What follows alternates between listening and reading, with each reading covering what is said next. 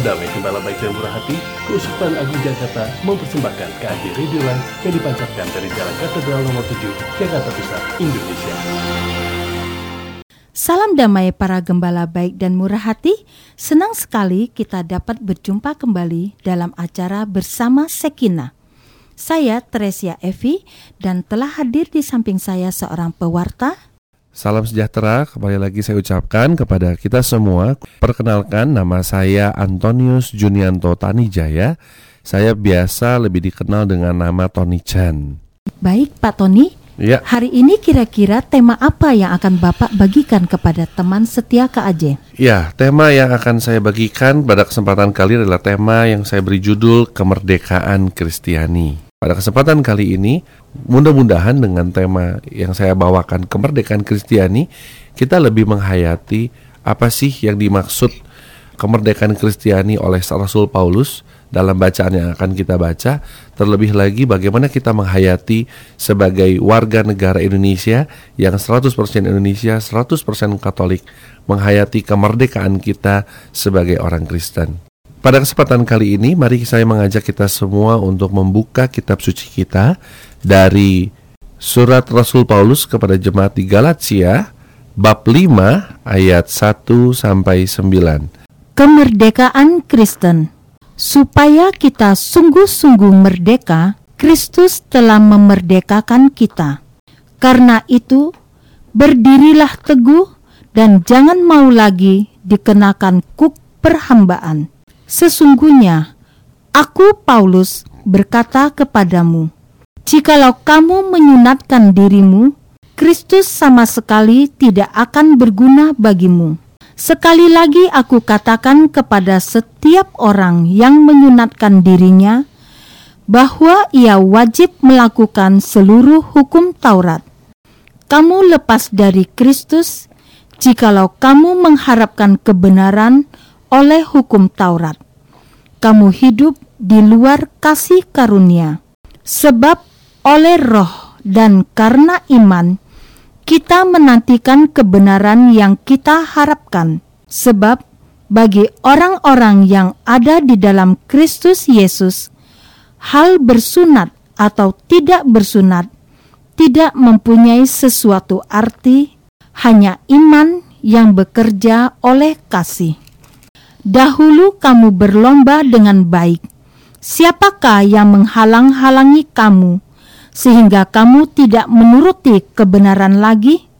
Ajakan untuk tidak menurutinya lagi bukan datang dari Dia yang memanggil kamu. Sedikit lagi sudah mengkamirkan seluruh adonan. Demikianlah sabda Tuhan. Syukur, kepada Allah. Ayat yang baru saja kita baca atau bacaan yang baru saja kita baca dari Galatia 5 ayat 1 sampai 9 yang berjudul kemerdekaan Kristen mengajak kita pada kesempatan kali ini merenungkan kalau Indonesia boleh merdeka karena ada para pahlawan yang mencurahkan darahnya sebagai orang Katolik, sebagai orang yang sudah diselamatkan, kita semua dimerdekakan juga oleh karena pengorbanan Yesus Kristus di atas kayu salib. Tentunya melalui pembaptisan ya Pak Tony ya. Betul. Dengan kita menerima sakramen baptis itu adalah pintu gerbang kita. Kita dinyatakan merdeka. Setidaknya merdeka dari kehidupan lama kita, merdeka karena kita boleh diper, diperbaharui secara tubuh, jiwa dan roh dan kita masuk ke dalam warga negara gereja Katolik dan kita dimerdekakan sebagai umat-umat Allah. Kita dimerdekakan dari belenggu dosa, mencengkeram yang sudah daya tariknya akhir-akhir ini di dalam uh, kehidupan kita, daya tariknya begitu sangat kuat. Dan kalau kita membahas lebih jauh konteks dari perikop yang baru saja kita baca, kemerdekaan Kristen. Ayat kedua sampai ayat ke-6 ini berbicara, Paulus banyak berbicara dan banyak menyinggung mengenai perihal disunat dan tidak disunat. Ketika saya mempelajari latar belakang atau konteks dari perikop ini, ternyata ada satu kejadian yang bisa kita temui di Galatia 2 dan kisah para rasul bab 15 bahwa ternyata ketika pada tahun 48 sampai 50 tahun Masehi kira-kira tahun segitu terjadi sesuatu konflik di kalangan gereja perdana. Ada konflik yang terjadi antara penatua jemaat Yerusalem dan utusan umat dari Antioquia yang mempersalahkan tentang sunat.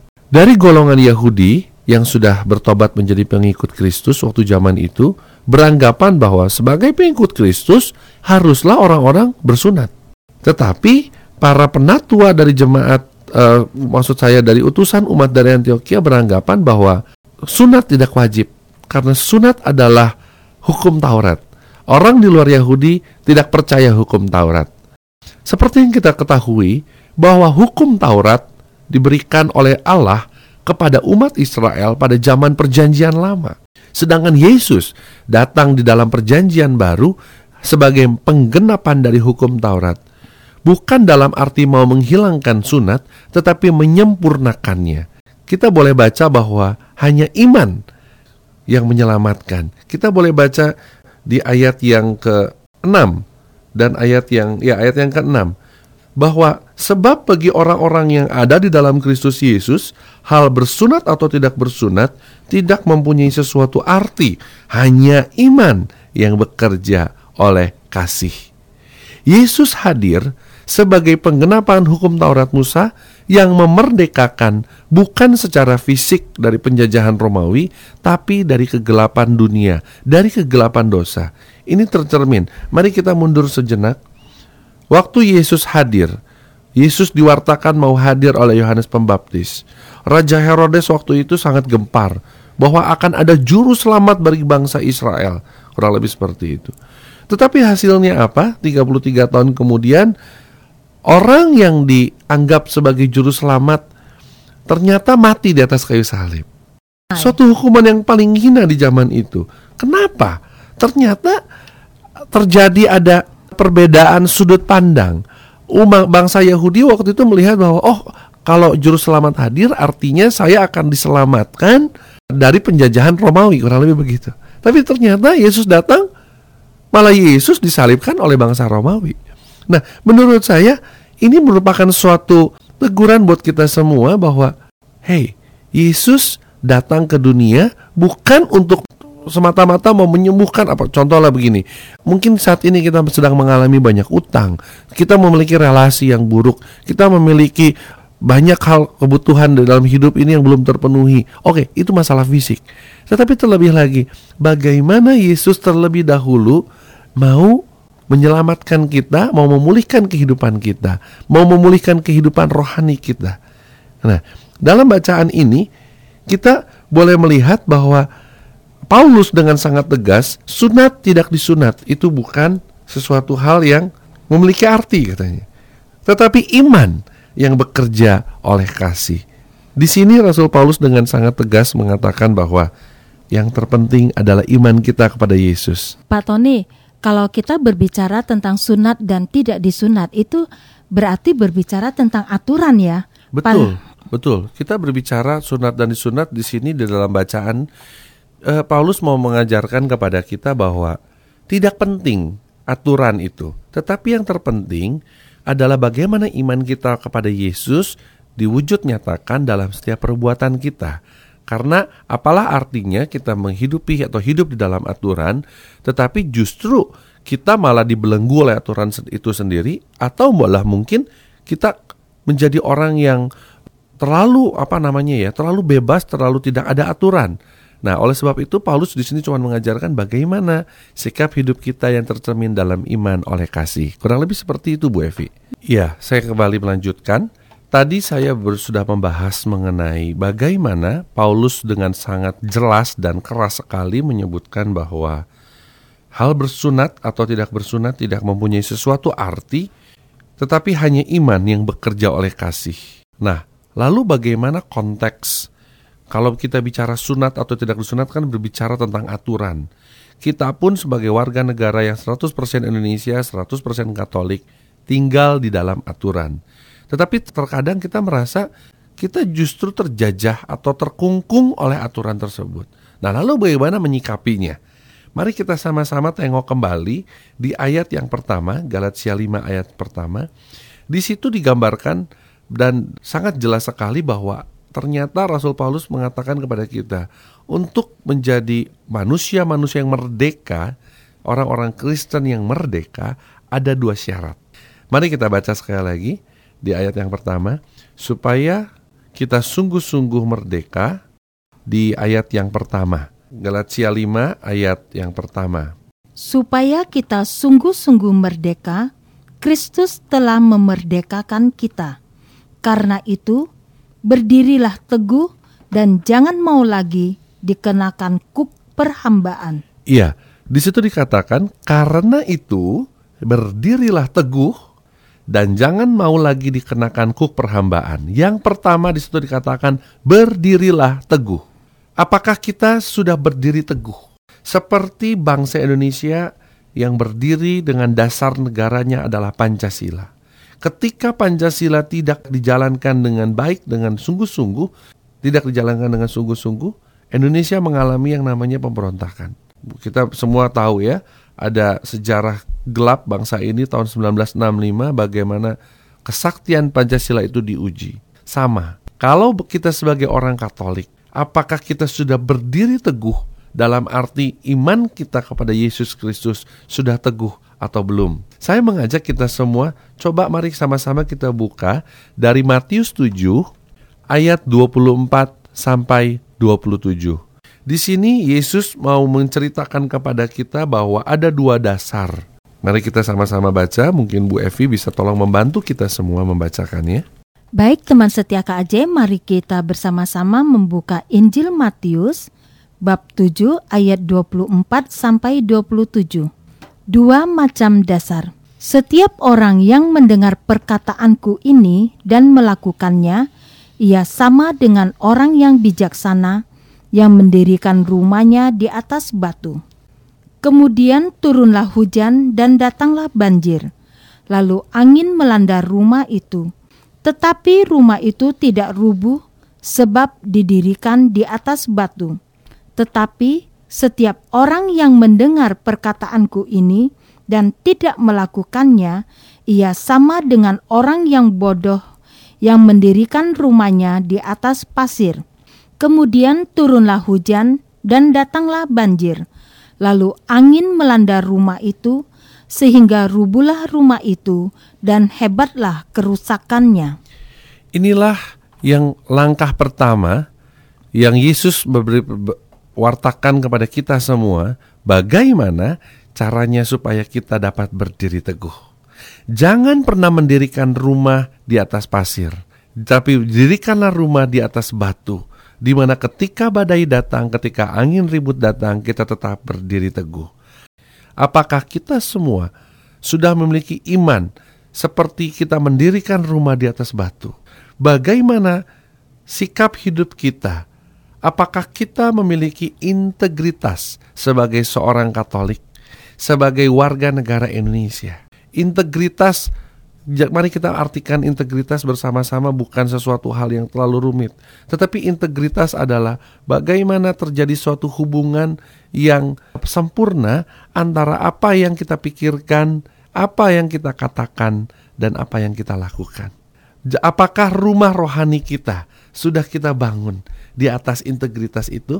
Nanti saya akan sharing di akhir pewartaan pada kesempatan kali ini bagaimana Waktu itu saya pernah mengalami suatu kondisi di mana saya tidak mendirikan rumah di atas batu. Iman saya kepada Yesus Kristus hanya ibarat seperti mendirikan rumah di atas pasir. Saya mau lanjut dulu, apa yang kedua? Hal yang kedua untuk kita dapat merasakan atau menikmati kemerdekaan sebagai orang-orang Kristen atau orang-orang Katolik adalah masih kita kembali lagi di ayat yang ke-1 dari Galatia 5 di sana dikatakan setelah berdiri teguh dan jangan mau lagi dikenakan kuk perhambaan. Jangan mau lagi dikenakan kuk perhambaan, saya sederhanakan bahasanya, jangan mau dijajah lagi. Terkadang kita masih dijajah oleh dosa, oleh kuasa iblis, oleh pola hidup yang lama. Atau mungkin kita juga masih dijajah oleh aturan-aturan yang menyesatkan. Seperti contoh, Apakah kita sekarang masih memiliki ketergantungan paling simpel, apakah kita masih terga- ketergantungan oleh gadget? Apa yang kita cari ketika kita bangun pagi? Termasuk saya juga ya, terkadang saya juga masih sering jatuh bangun di dalam dosa itu ya. Dalam keterikatan itu. Saya merasa bahwa orang-orang zaman sekarang sudah masuk di dalam eh, dosa terjajah oleh yang namanya gadget. Kayaknya kalau pergi keluar rumah nggak bawa gadget itu mau sejauh apa pun mending balik lagi deh. Nggak bawa dompet nggak masalah, yang penting handphone dibawa. Ah ini dia. Kita sudah dijajah oleh hal-hal duniawi. Atau mungkin kita juga masih terjajah oleh aturan-aturan yang menyesatkan. Contoh, saya contohnya dengan sharing. Sharingnya seperti ini. Seringkali saya karena saya berasal dari keluarga yang keturunan Tionghoa begitu ya. Ketika kalau saya pulang dari pelayanan rumah duka, saya sering kali dibilang begini sama keluarga saya di rumah. Sebelum pulang ke rumah, kamu harus cuci muka dulu, harus cuci-cuci dulu, bersih-bersih dulu. Bahkan beberapa orang bilang kalau perlu mandi dan keramas katanya sebelum masuk rumah. Katanya supaya sialnya itu nggak kebawa masuk ke dalam rumah. Menurut saya sebagai orang modern sekaligus sebagai orang yang sudah percaya dan sudah mengimani Yesus Kristus, menurut saya aturan itu menurut saya ya udah nggak lagi pas menurut saya ya. Karena justru dengan hal-hal seperti itu kita hidup di dalam ketakutan. Kita hidup justru yang dikatakan oleh Rasul Paulus, kita masih hidup atau dikenakan kuk perhambaan. Kita masih hidup dengan aturan-aturan tradisi nenek moyang yang belum tentu kebenarannya. Padahal kita sudah jelas-jelas memiliki kitab suci sebagai satu-satunya sumber kebenaran dalam hidup kita sebagai orang Katolik. Begitu ya. Betul. Ya. Nah, itu dia makanya sering kali kita membiarkan diri kita dijajah oleh hal-hal yang demikian, hal-hal yang duniawi. Itulah kurang lebih dua hal bagaimana kita menyikapi bagaimana caranya kita hidup merdeka sebagai seorang yang seorang Kristen yang 100% Indonesia dan 100% Katolik. Ada lagi nih Bu Evi. Apa itu, Pak? Ada beberapa orang kalau tadi saya bercerita tentang bagaimana orang-orang yang berjuang untuk mendapatkan kemerdekaannya sebagai orang-orang 100% Indonesia dan 100% Katolik. Tapi sekarang ternyata di sekitar kita kita bisa melihat bahwa ternyata ada juga orang-orang yang menyalahgunakan kemerdekaan yang sudah dia dapatkan. Atau dalam arti ini ada orang-orang tertentu yang di dalam hidupnya kemerdekaan itu diartikan kebebasan yang berujung kepada kebablasan. Nah, ini dia. Kebablasan, menyalahgunakan kemerdekaan untuk menutupi kejahatannya. Gimana atau itu? menutupi gaya hidupnya yang tidak berkenan di hadapan Tuhan. Contoh, begini deh. Saya contohnya diri saya sendiri aja ya. Beberapa tahun yang lalu ketika saya masih menjadi profesional, profesi saya kan sebagai sales dan marketing. Ya. Dan seperti yang kita tahu, yang namanya sales marketing itu sangat rentan sekali untuk eh, godaan-godaan duniawi itu. Nah, sebagai seorang yang bisnis juga tapi pelayanan juga, terkadang saya menggunakan topeng di dalam kehidupan saya. Ketika saya bekerja, katakan Senin sampai Jumat, office hour gitu ya, saya ibaratnya menjadi seorang Tony yang punya tanduk. Punya tanduk, saya bebas melakukan apa pun, karena saya tahu malamnya saya pelayanan, karena saya tahu Sabtu Minggunya saya mau pelayanan gitu kan, mau apalagi mau menerima Ekaristi, pasti dosa saya diampuni. Jadi saya mengartikan kemerdekaan itu seperti itu. Jadi saya bebas melakukan dosa dan saya kebaikan-kebaikan yang saya lakukan di lingkungan gereja itu adalah untuk menutupi kejahatan atau uh, cara hidup yang tidak benar. Tidak benarnya seperti apa sih? Coba bayangkan Ibu Evi. Saya dulu waktu masih kerja jadi profesional, tidak jarang saya untuk mendapatkan sebuah order itu saya pakai sistemnya menyogok. Oh nyogok nyogok. Dan saya katakan bisa dalam hati saya mengatakan seperti ini. Tuhan tolong dong berkati supaya proyek ini dapat gol tembus gitu kan. Tapi saya pakai cara nyogok. Terus udah gitu saya pakai acara berdoanya gini. Tuhan nanti kalau proyek ini tembus saya akan sumbang gereja gede. Dijamin deh. Bisa pakai cara seperti itu. Ini kan suatu hal yang ironis menurut saya ya. Ini saya loh pelakunya. Saya mengartikan kemerdekaan itu uh, mengisi kemerdekaan saya sebagai anak-anak terang, sebagai orang Katolik ini ya dengan seperti itu. Jelas ini bukan sesuatu hal yang yang Yesus inginkan dalam kehidupan kita. Jelas ini bukan sesuatu yang baik untuk dijalankan. Tetapi mari kita menjadi hamba Allah yang taat pada peraturan. Mari kita dengar rendah hati bahwa gereja sudah menyediakan banyak sarana untuk bertumbuh sudah ada pagar-pagarnya. Jangan salah gunakan kebebasan sampai kebablasan. Kurang lebih begitu Bu Evi. Lantas bagaimana caranya supaya kita bisa mengisi hidup kita benar-benar merasakan sebagai anak-anak yang merdeka? Iya, mengisi kehidupan kita sebagai anak-anak yang merdeka adalah menurut saya adalah kuncinya adalah kita berpasrah. Seperti tadi yang dikatakan oleh Rasul Paulus, hanya iman yang bekerja oleh kasih. Kemerdekaan dalam arti sesungguhnya adalah kemerdekaan di mana kita sudah terbebas bahwa segala sesuatu yang kita miliki di dunia ini adalah bukan milik kita, tetapi adalah kepunyaan Tuhan. Sekarang saya coba tanya sama Bu Evi. Ya. Kalau segala sesuatu ini ini punya saya, ini punya saya, ini punya saya, ini punya saya, terus kalau kita tidur malam bisa tenang nggak tidurnya? Waduh, nanti otaknya jalan terus mikirin jangan-jangan dicuri orang. Nah, jangan-jangan dicuri orang. Mobil saya itu punya saya, jangan-jangan dicuri orang. Perusahaan saya itu punya saya. Nanti kalau ada orang korupsi, hilang deh uang saya, hilang deh investasi saya. Semua anak milik saya, semua milik saya, semua milik saya. Pasti akan stres hidup kita. Apakah kita jadi merdeka? Tentu saja tidak. Tetapi yang dimaksud kemerdekaan yang pada kesempatan kali ini adalah bagaimana kita mau menyadari bahwa apa pun yang kita miliki saat ini, apa pun yang ada dalam kehidupan kita saat ini, itu adalah kepunyaan Allah. Sehingga ketika nanti kita parkir mobil mau di mana pun, oh kita santai. Kenapa? Kita nggak, kita merdeka dari rasa takut karena kita percaya itu adalah mobil titipan. Itu adalah rumah titipan bahwa segala sesuatu yang ada di dalam hidup kita itu adalah titipan. Itu semua adalah kepunyaan Tuhan. Kita hanya pengelolanya. Maka hidup kita akan bebas. Hidup kita akan lebih nyaman. Hidup kita akan lebih merdeka. Kurang lebih seperti itu Bu Evi. Saya memiliki sebuah uh, pengalaman yang sangat baik. Pengalaman waktu itu saya masih SMA. Saya pengen banget, pengen bisa nyetir mobil sendiri tapi waktu itu saya belum umur 17, jadi belum bisa punya SIM, jadi belum dikasih nyetir mobil sendiri. Saya merindukan saat saya merdeka gitu ya ibaratnya ya kalau konteks kita pada kesempatan kali ini saya pengen merdeka saya pengen bisa nyetir mobil sendiri saya pengen punya SIM akhirnya ditunggu tunggu tunggu tunggu akhirnya nyampe juga ulang tahun yang ke-17 hadiahnya saya nggak minta macam-macam saya cuma minta sama papi saya seperti ini pi tolong dong saya mau bikin SIM karena saya sudah 17 tahun, saya berhak memiliki SIM. Dan ketika saya sudah mendapatkan SIM, merdeka! Wow, bisa pakai mobil ke mana-mana, saya bisa nyetir sendiri, kurang lebih seperti itu. Lalu apa yang terjadi? Ketika saya sudah nyetir mobil, suatu malam saya datang ke dalam acara seperti pesta gitu ya, pesta di sekolah gitu, pesta kelas gitu ya, kayak pentas seni di sekolahan.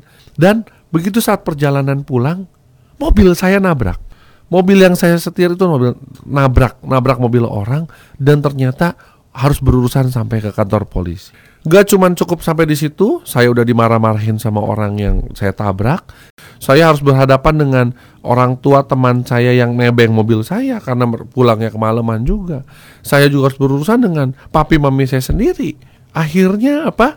Justru dengan saya memiliki SIM, dengan saya masuk umur 17 yang saya katakan merdeka justru ternyata malah mencelakakan saya. Lewat pengalaman ini, ketika saya refleksi untuk mempersiapkan bahan perenungan pada kesempatan kali ini, saya melihat bahwa, oh, seperti ini yang kurang lebih dimaksud. Bagaimana kita bisa menjalankan kehidupan kita dengan penuh tanggung jawab. Kalau waktu itu saya mempergunakan kesempatan atau kemerdekaan saya boleh menyetir bawa mobil itu dengan baik, tentu saja tidak kejadian yang namanya nabrak itu tidak akan terjadi. Kejadian yang namanya dimarahin sama uh, orang tua teman gak akan terjadi. Berurusan dengan kantor polisi dan berurusan dengan papi mami yang ngomel di rumah tidak akan terjadi. Nah, memaknai kebebasan harus juga dibarengi dengan sikap kesadaran diri yang tadi saya katakan itu Bu Evi, integritas kita sebagai orang Katolik. Apakah kita sudah memiliki kesatuan dengan uh, kesatuan hati dengan antara yang kita pikirkan, yang kita katakan dengan yang kita lakukan. Karena itu yang terpenting buat kita semua agar kemerdekaan kita sebagai orang-orang Kristiani benar-benar nyata dan boleh kita alami dalam hidup kita. Merdeka artinya memiliki integritas. Kalau kita merdeka tanpa integritas, akhirnya kebablasan. Tetapi merdeka dengan memiliki integritas, maka kita akan menjadi umat-umat Tuhan yang benar-benar merdeka, bahkan kita lebih dari pemenang. Saya memiliki sebuah pengalaman di mana saya perlu cerita dulu background saya. Saya adalah anak yang nakal, ya, anak yang nakal banget, sungguh-sungguh nakal. Saya mengenal rokok itu dari kelas 5 SD. SMP itu saya senang berantem. Senangnya membuli teman-teman di kelas dan dibully juga. Lalu saya terjerat yang namanya dosa pornografi dan masturbasi. Tidak bisa lepas. Selain itu juga berantem, seneng berantem, ngegeng gitu ya. Dulu saya tinggal di Bandung, di Bandung itu terkenal sekali banyak geng motor, saya salah satunya anggotanya. Sampai suatu ketika, mami saya mengenal yang namanya seminar hidup dalam roh kudus. Ketika mami saya mengikuti gerakan karismatik yang diawali oleh seminar hidup dalam roh kudus tersebut, sikap dan perilaku mami saya benar-benar jauh berbeda. Kalau dulu mami saya KDRT gitu ya, senang mukulin saya kalau saya nakal, mami saya tiba-tiba berubah. Ketika dulu mami saya kalau marah-marah itu ibaratnya litani kebun binatang keluar semua, sekarang berubah. Mami memperlakukan saya yang nakal ini dengan penuh kasih. Tapi saya merasa caranya mami ini aneh karena cara berdoanya mulai berubah. Menurut saya Kegerakan karismatik adalah kegerakan orang-orang stres dan tidak sesuai dengan ajaran Katolik. Karena menurut saya di Katolik itu nggak ada yang namanya doa sambil tepuk tangan sorak-sorai gitu ya, angkat-angkat tangan. Sepertinya yeah. aneh gitu buat saya waktu itu ya. Tapi yang saya merasakan bahwa kuasa doa seorang ibu yang mau mempertobatkan anaknya sungguh nyata hadir sehingga pada akhirnya setahun setelah mami saya ikut dalam kegerakan karismatik saya mulai berubah Tuhan mulai menjamah hidup saya. Saya mulai beralih dari kehidupan lama saya yang bergelimang dosa menjadi Tony Chen yang baru yang hidupnya di gereja. Saya tahun 99 berubahnya benar-benar cukup drastis. Jadi ibaratnya kalau merayakan hari kemerdekaan gitu ya, wah drastis. Tadinya sih dijajah oleh dosa langsung berubah. Tadinya nongkrong di kafe, nongkrong di jalanan, sekarang nongkrong di gereja. Bahkan saya aktif di banyak kegiatan gereja. Saya aktif sebagai pemusik, saya juga aktif di OMK. Kalau dulu namanya Mudika. Saya aktif di Mudika, bahkan saya terpilih menjadi ketua Mudika di paroki saya di Bandung di Santo Martinus. Saya juga waktu itu aktif di berbagai macam kegiatan. Dari Antioquia, Komisi Kepemudaan, dan banyak-banyak kegiatan hal-hal lain yang uh, sifatnya rohani. Tetapi ternyata kemerdekaan saya atau perubahan pola pola hidup saya yang tadinya hidup di dalam gelap di dalam terang tidak dibarengi oleh mem membangun iman. Yang tadi saya katakan integritas. Bahwa ternyata saya aktif di gereja adalah hanya sebatas topeng. Bahwa saya ternyata masih suka ngerokok. Bahwa saya ternyata masih suka nonton film porno, bahwa ternyata saya masih terkadang suka masturbasi, bahwa ternyata saya masih suka emosi, bahwa saya ternyata masih dikendalikan oleh manusia lama saya. Ketika saya mulai ada gesekan-gesekan, manusia lama saya, sifat lama saya muncul lagi. Nah, ini yang membuat saya jatuh lagi di dalam dosa. Benar apa yang dikatakan oleh Yesus di dalam Matius 7 ayat 24 sampai 27? Ibaratnya saya mendirikan rumah di atas pasir. Iman saya kepada Yesus adalah iman yang hanya di permukaan, bukan iman yang benar-benar dari dalam hati, bukan iman yang mengakar, tetapi iman yang mudah jatuh, iman yang rapuh, yang begitu kena begitu saya kenal dengan dekat dengan teman-teman lama saya ke bawah arus lagi, ke bawah arus lagi. Iman yang gampang terbawa arus. Nah, sampai akhirnya saya harus bertobat lagi dan bertobat lagi. Bahwa ternyata kehidupan kita sebagai seorang Kristiani tidak mulus-mulus saja. Nah, lewat kesaksian saya ini mungkin para pendengar sekalian saat ini sedang mengalami jatuh bangun. Sama, sampai hari ini pun saya masih jatuh bangun. Kita semua sekarang sedang berjuang. Jatuh bangun it's okay. Tetapi yang terpenting, apakah iman kita terus dibangun seperti kita membangun rumah di atas batu? Yang terpenting apakah kita terus memperjuangkan integritas kita sebagai orang yang 100% Indonesia dan 100% Katolik. Pada kesempatan kali ini, saya ingin membagikan kepada para pendengar sekalian bahwa ternyata kelima sila dalam Pancasila itu sangat alkitabiah. Yuk, mari kita sama-sama lihat. Sila yang pertama apa Bu Evi dalam Pancasila? Ketuhanan yang Maha Esa. Ketuhanan yang Maha Esa. Ada ayatnya ternyata Bu Evi. Di mana itu? Ada ayatnya. Mari kita sama-sama buka dari Markus 12 ayat 29. Jawab Yesus, Hukum yang terutama ialah, Dengarlah hai orang Israel, Tuhan Allah kita, Tuhan itu Esa. Wow, sama ya? Sama Dengan Esa ketuhanan ya. yang Maha Esa sama. Bahwa ternyata di sini Yesus mengatakan kepada kita semua waktu itu ada seorang ahli Taurat yang bertanya kepada Yesus, hukum yang terutama apa? Ya ini kan perikopnya berjudul hukum yang terutama. Ternyata Yesus mengatakan bahwa Hukum yang terutama adalah dengarlah hai orang Israel, Tuhan kita adalah Tuhan yang esa. Saya teringat saya tahun 2000 2002 saya pernah mengikuti sebuah lomba cipta lagu di Kuskupan Bandung dan saya menang menjadi juara favorit. Ini adalah perikop yang saya buat menjadi lagu. Jadi tentu saja ayat ini benar-benar sungguh sangat mengena dalam kehidupan saya. Kurang lebih lagunya seperti ini. Tuhan menjawab Tuhan menjawab, Kasihilah Tuhan Allahmu, Tuhan Allahmu dengan segenap hati dan jiwamu, dengan kekuatan dan akal budimu. Wah, kurang lebih itu ya, secuplik lagu yang pernah saya ciptakan. Nah, di sini dikatakan, apakah kita sebagai orang Indonesia yang 100% Indonesia 100% Katolik sudah menjadikan Tuhan adalah yang esa. Sudah mengamalkan yang namanya ketuhanan yang Maha Esa. Jangan-jangan kita sebagai orang Katolik bukan ketuhanan yang Maha Esa, jangan-jangan keuangan yang Maha Esa. gitu kan? Atau gadget yang Maha Esa. Gadget yang Maha Esa gitu kan. Di sini kita diajak untuk kembali melihat di mana kita memposisikan Tuhan. Apakah Tuhan uh, salah satu atau satu-satunya. Nah, ini beda kan? Kalau salah satu, wah ini kita harus kembali deh kayaknya. Kita harus kembali kepada esensi bahwa Tuhan itu adalah Tuhan yang esa. Tuhan satu-satunya, bukan Tuhan yang salah satu. Kita lanjut lagi ayat sila yang kedua. Sila yang kedua apa Bu Evi? Wah, kemanusiaan yang adil dan beradab. Nah, kalau di kitab suci di mana? Yuk kita sama-sama buka Ulangan 16 ayat 20. Ulangan 16 ayat 20. Ya. Ulangan 16 ayat 20 di situ dikatakan Ulangan 16 ayat 20. Di situ dikatakan semata-mata keadilan itulah yang harus kau kejar supaya engkau hidup dan memiliki negeri yang diberikan kepadamu oleh Tuhan Allahmu. Bahwa ternyata kitab suci sendiri mengatakan bahwa kita harus wajib mengejar yang namanya keadilan.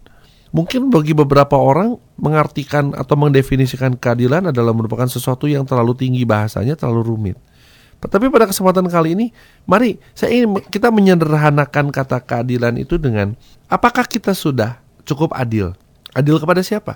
Setidaknya kepada orang-orang di dalam rumah kita. Sudahkah kita memberikan perhatian, waktu kita kepada orang-orang yang kita cintai, kepada istri atau kepada suami kita, kepada anak-anak kita? Ataukah kita hanya memberikan uang atau memberikan sesuatu yang sifatnya duniawi?